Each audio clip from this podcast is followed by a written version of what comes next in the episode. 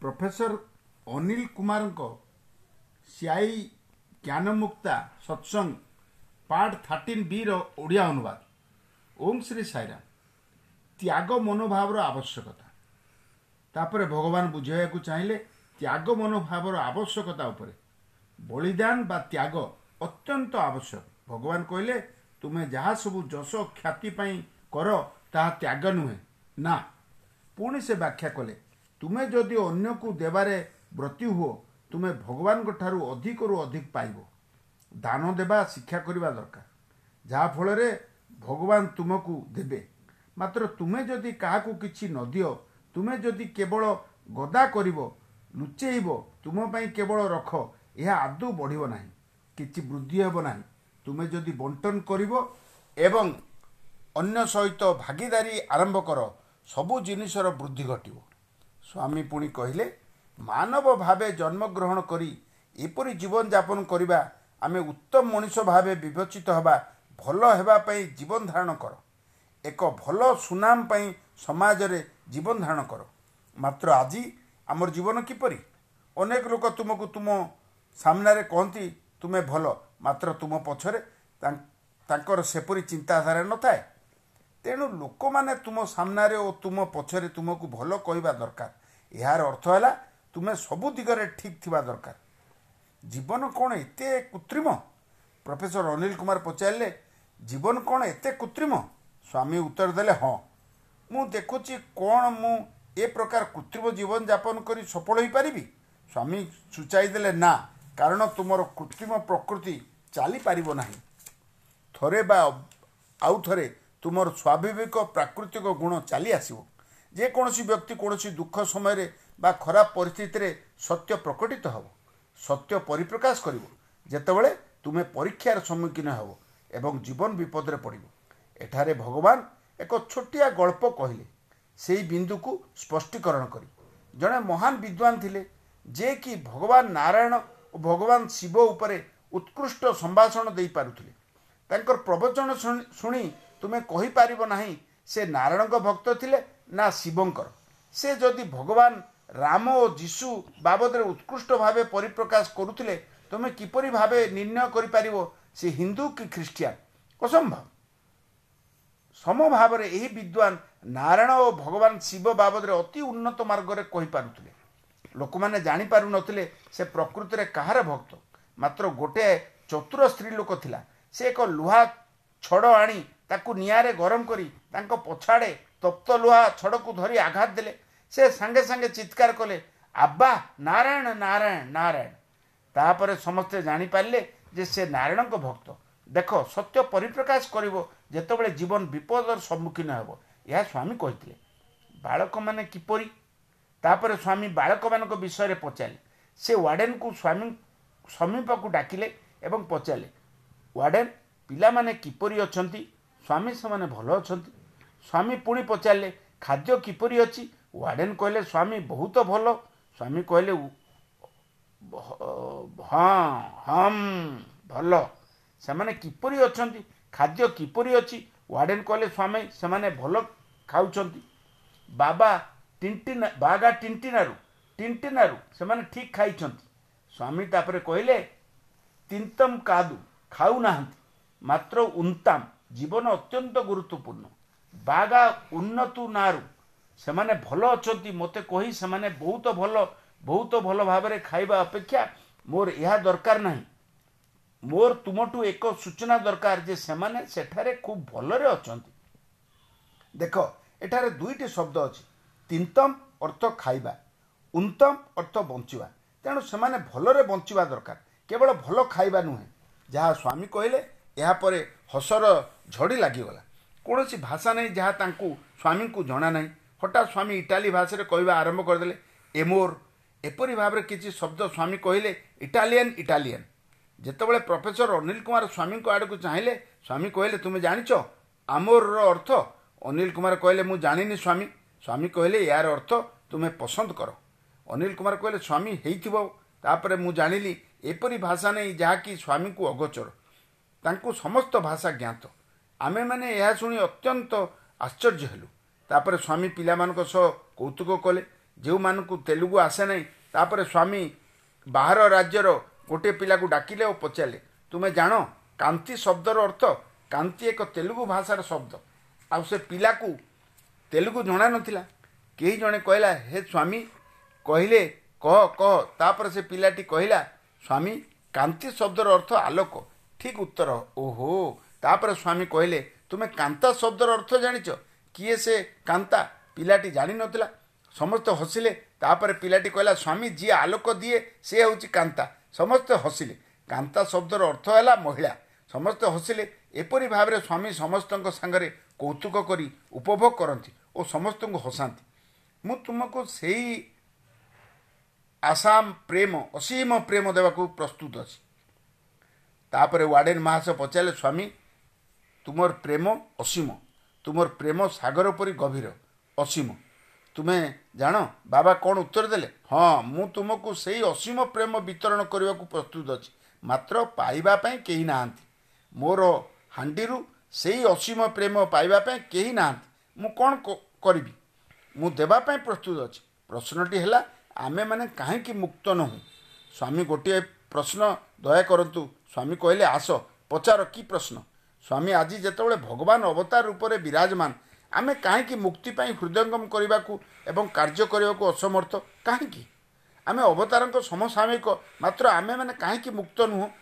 ମୁକ୍ତି କାହିଁକି ସମସ୍ତଙ୍କ ଦିଆଯାଉ ନାହିଁ ବାବା ଉତ୍ତର ଦେଲେ ବହୁତ ଲୋକ ଦୌଡ଼ ପ୍ରତିଯୋଗିତାରେ ଭାଗ ନିଅନ୍ତି ମାତ୍ର ଜଣେ କେବଳ ଦୌଡ଼ ପ୍ରତିଯୋଗିତାରେ ପ୍ରଥମ ହୋଇଥାଏ। ତୁମେ ମୋର ସମସାମୟିକ ହୋଇପାର ମାତ୍ର କେବଳ ଜଣେ ମୁକ୍ତି ଲାଭ କରିପାରେ ସମସ୍ତେ ନୁହେଁ। ଯେପରି ଦୌଡ଼ ପ୍ରତିଯୋଗିତା ଏହା ଭାଗବତ ଗୀତାରେ କୁହାଯାଇଛି। ସ୍ୱାମୀ ଦୌଡ଼ ପ୍ରତିଯୋଗିତାର ଏକ ଉଦାହରଣ ଦେଲେ। ବହୁ ବର୍ଷ ପୂର୍ବରୁ ଭଗବତ ଗୀତାରେ ବର୍ଣ୍ଣିତ ଅଛି ଯେ ଲକ୍ଷ ଲକ୍ଷ କୋଟି କୋଟି ଲୋକଙ୍କ ମଧ୍ୟରୁ କେବଳ ମୁଷ୍ଟିମୟ ଲୋକ ଭଗବାନଙ୍କ ପ୍ରତି ଆଗ୍ରହ ପ୍ରକାଶ କରିଥାନ୍ତି। ସେହି ମୁଷ୍ଟିମୟ ଲୋକଙ୍କ ମଧ୍ୟରୁ କ୍ୱଚିତ ଲୋକ ମୁକ୍ତି ପାଇଁ ଆଗ୍ରହୀ।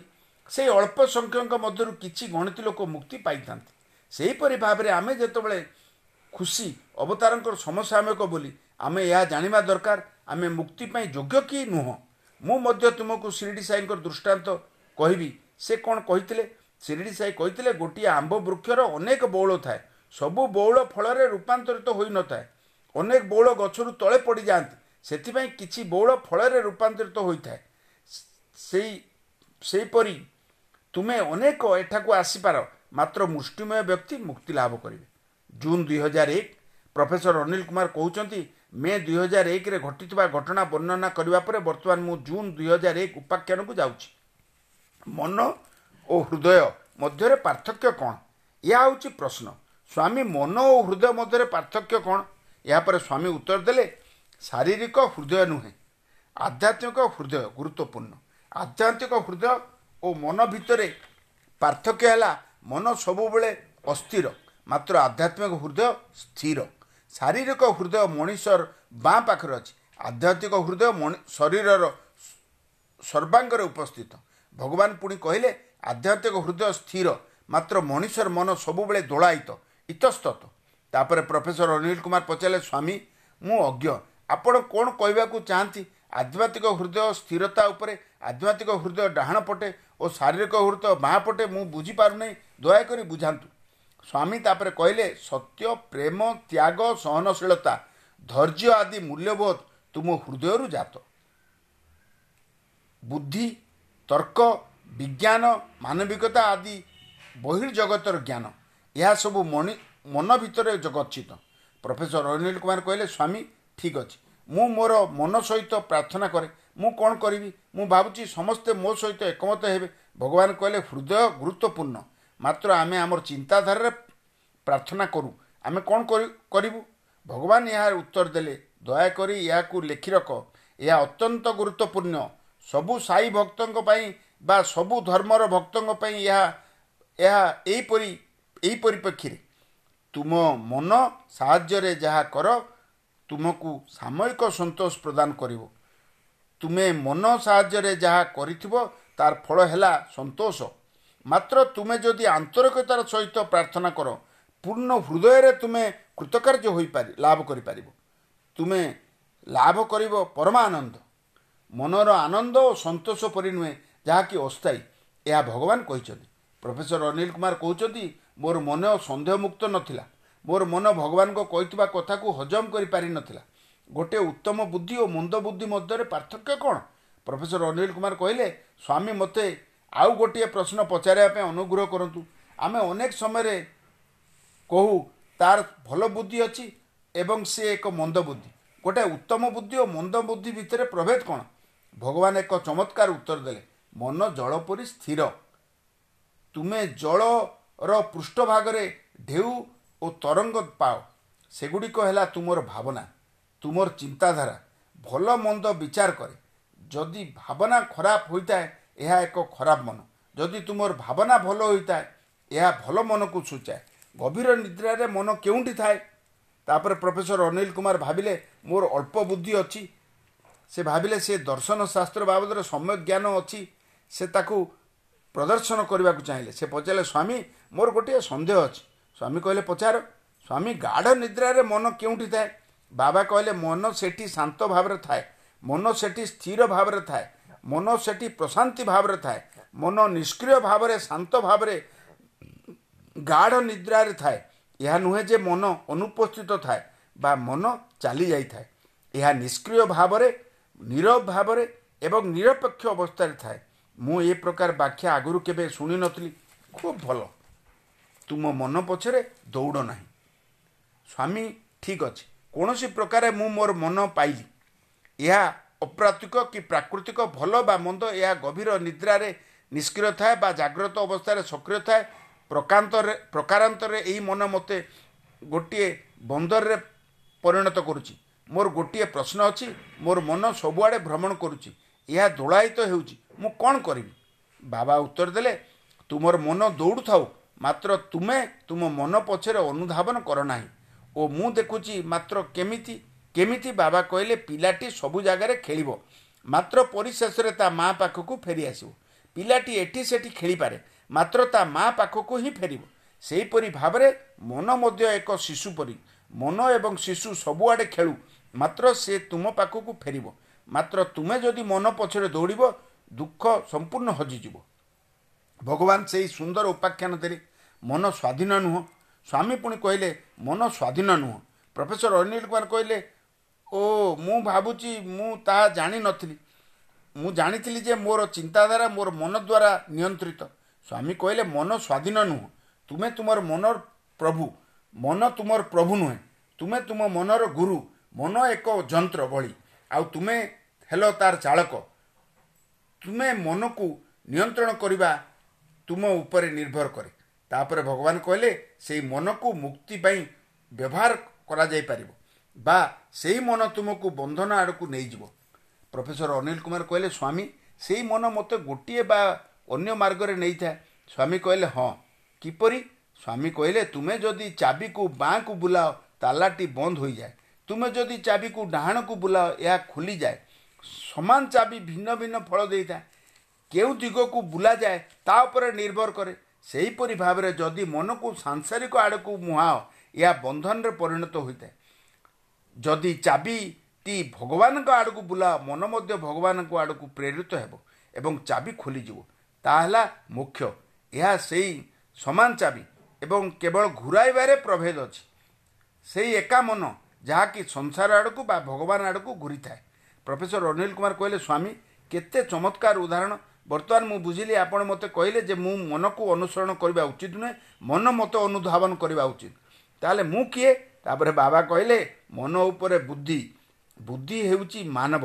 ବ୍ୟକ୍ତିତ୍ୱର ନିଷ୍ପତ୍ତି ନେବା ଅଂଶ। ବୁଦ୍ଧି ବିଚାର କରେ ଏବଂ ନିଷ୍ପତ୍ତି ନିଏ। ସେହି ହେତୁରୁ ବୁଦ୍ଧିର ଭଲ ଖରାପ ବିଚାର କରିବାର ଶକ୍ତି ଅଛି। ତାହେଲେ ତୁମେ ବର୍ତ୍ତମାନ କ'ଣ କରିବା ଉଚିତ? ତା ବୁଦ୍ଧି ସ୍ଥିର କରେ ବୁଦ୍ଧି ଦ୍ୱାରା ବିଚାର କରାଯାଇଥିବା ଚିନ୍ତା ମନ ପରିପ୍ରକାଶ କରେ ଯାହା ମନ ଚିନ୍ତା କରେ ଇନ୍ଦ୍ରିୟ ଦ୍ୱାରା ତାହା କାର୍ଯ୍ୟାନ୍ୱିତ ହୋଇଥାଏ। ତାହା ସ୍ପଷ୍ଟ ତ ଯାହା ବାପା କହନ୍ତି ମା ତାହା ବୁଝାଇ ବୁଝିବା ଦରକାର। ମା ଯାହା ସୂଚାନ୍ତି ପିଲାମାନେ ତାହା ଅନୁସରଣ କରିବା ଉଚିତ। ବାପା ହେଲେ ବୁଦ୍ଧି ମା ହେଲେ ମନ ଓ ପିଲାଗୁଡ଼ିକ ହେଲେ ଇନ୍ଦ୍ରିୟ ସମୂହ। ମୁଁ ଏକ ଆଦର୍ଶ ପରିବାର କଥା କହୁଛି। ସମସ୍ତେ ହସିଲେ। ସ୍ୱାମୀ ତାପରେ କହିଲେ ମୁଁ ଆଧୁନିକ ପରିବାର ବିଷୟରେ କହୁନାହିଁ। ମୁଁ ଦୁଃଖିତ କାରଣ ମା ବାପାଙ୍କୁ କହିବେ ଧନ୍ୟବାଦ। ସମସ୍ତେ ହସିଲେ। ମାତ୍ର ବାପା ସେଇ କଥା ମାତାଙ୍କୁ କେବେ ବି କହିବେ ନାହିଁ। ଆଉ ପିଲାମାନେ ସେଠି ନଥିବେ କାରଣ ସେମାନେ ବାହାରେ ବ୍ୟସ୍ତ। ମାତ୍ର ମୁଁ ଏକ ପାରମ୍ପରିକ ଆଦର୍ଶ ପରିବାର କଥା କହୁଛି ଯେଉଁଠି ପିଲାମାନେ ମାଆଙ୍କୁ ମାନନ୍ତି ଓ ମା ବାପାଙ୍କୁ ମାନନ୍ତି। ସେହିପରି ଭାବରେ ବୁଦ୍ଧି ବାଛ ବିଚାର କରି ନିର୍ଣ୍ଣୟ କରିବା ଉଚିତ। ତାପରେ ମନ ବିବେକଙ୍କ ଠାରୁ ନିର୍ଦ୍ଦେଶ ଗ୍ରହଣ କରିବା ଉଚିତ। ମନ ଏହାର ପରିବର୍ତ୍ତ ସ୍ତରରେ ବିଚାର କରି ଇନ୍ଦ୍ରିୟମାନଙ୍କୁ କାର୍ଯ୍ୟକ୍ଷମ କରାଇବା ଉଚିତ। ଏହା ଭଗବାନଙ୍କ ଦ୍ୱାରା ନିଃସୃତ। Sairam part thirteen B Odia ଅନୁବାଦର ପରିସମାପ୍ତି। ସାଇରାମ।